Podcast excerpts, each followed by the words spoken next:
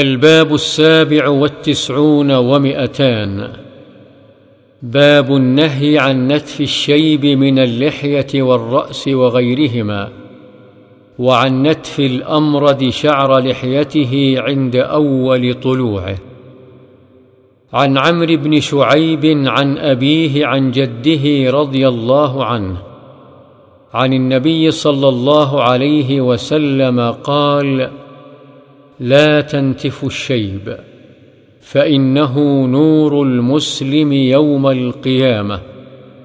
حديث حسن رواه أبو داود والترمذي والنسائي بأسانيد حسنة. قال الترمذي هو حديث حسن.